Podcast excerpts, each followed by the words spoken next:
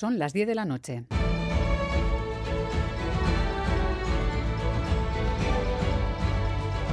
Radio Euskadi y Radio Vitoria. Servicios informativos.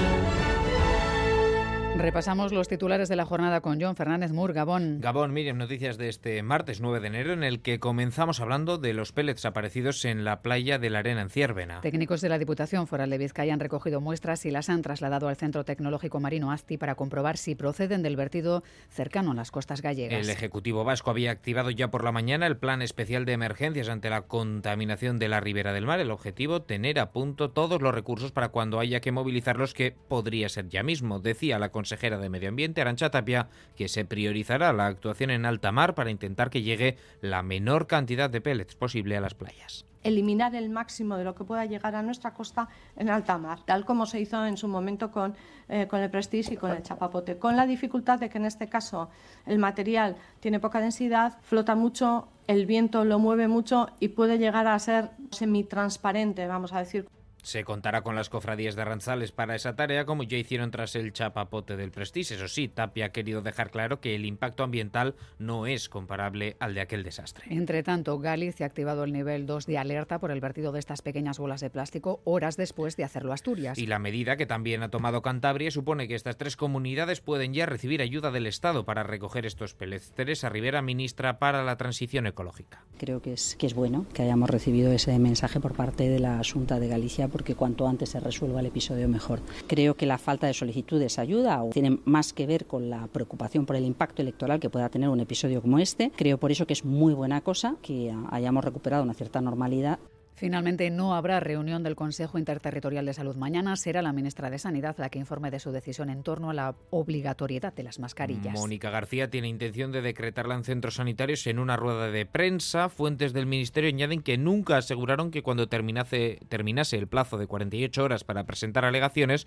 fuese a haber un nuevo encuentro. Sin embargo, las comunidades estaban trabajando con la idea de que sí iba a haber una nueva reunión. Gotzón Sagardui, consejera de Salud, iba a llevar esta propuesta que sean recomendaciones, que no sean obligaciones y que aquellas comunidades que por las circunstancias que consideren, consideren que su situación requiere de que sea obligatoria, puedan adoptar esa medida. Los servicios jurídicos de ambos ejecutivos vasco y navarro estudian si hay base jurídica para la imposición, trasladan sus dudas al respecto. Este movimiento distorsiona las relaciones con algunos de los socios de legislatura, como el PNV. Antonio Ortuzar. Nos preocupa y este gobierno depende de quienes pensamos justo lo contrario de lo que están haciendo.